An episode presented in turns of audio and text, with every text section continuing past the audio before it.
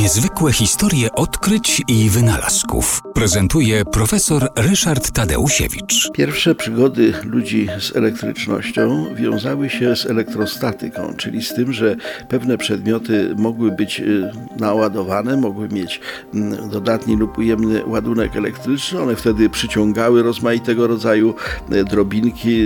To, to zjawisko zresztą no, jako pierwszy zaobserwował Thales z Miletu, y, pocierając bursztyn. Bursztyn, jak wiadomo, po grecku to, to nazywa się elektron i od, od, od tego zjawiska y, zaczęła się elektrotechnika czy wiedza o elektryczności.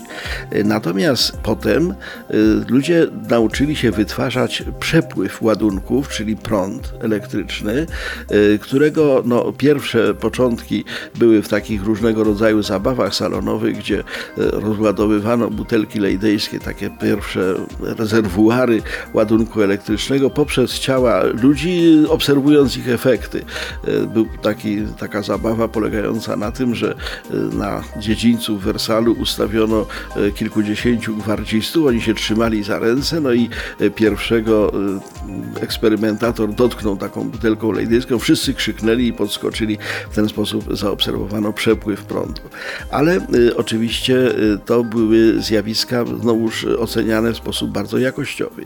I André Ampère, znakomity matematyk francuski, ale także i znakomity przyrodnik, w 1826 roku napisał traktat, w którym e, jak gdyby rozdzielił te dwa rodzaje elektryczności. Powiedział o tym, że istnieje elektryczność statyczna, to ta właśnie, która e, naładowuje różnego rodzaju e, kondensatory, czy pozwala na efekty typu przyciągania różnych drobin. Wykorzystujemy to na przykład w elektrofiltrach albo w drukarkach laserowych obecnie.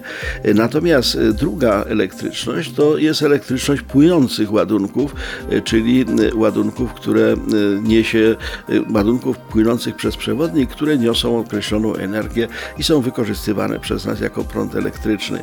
Prace Ampera z 1826 roku zapoczątkowały naukowe podejście i do elektrostatyki, i do wiedzy o płynącym prądzie, o elektryczności dynamicznej i dzięki temu po pierwsze my w tej chwili mamy już bardzo dużą wiedzę, a z kolei Amper został upamiętniony tym, że jednostką natężenia prądu elektrycznego jest właśnie amper.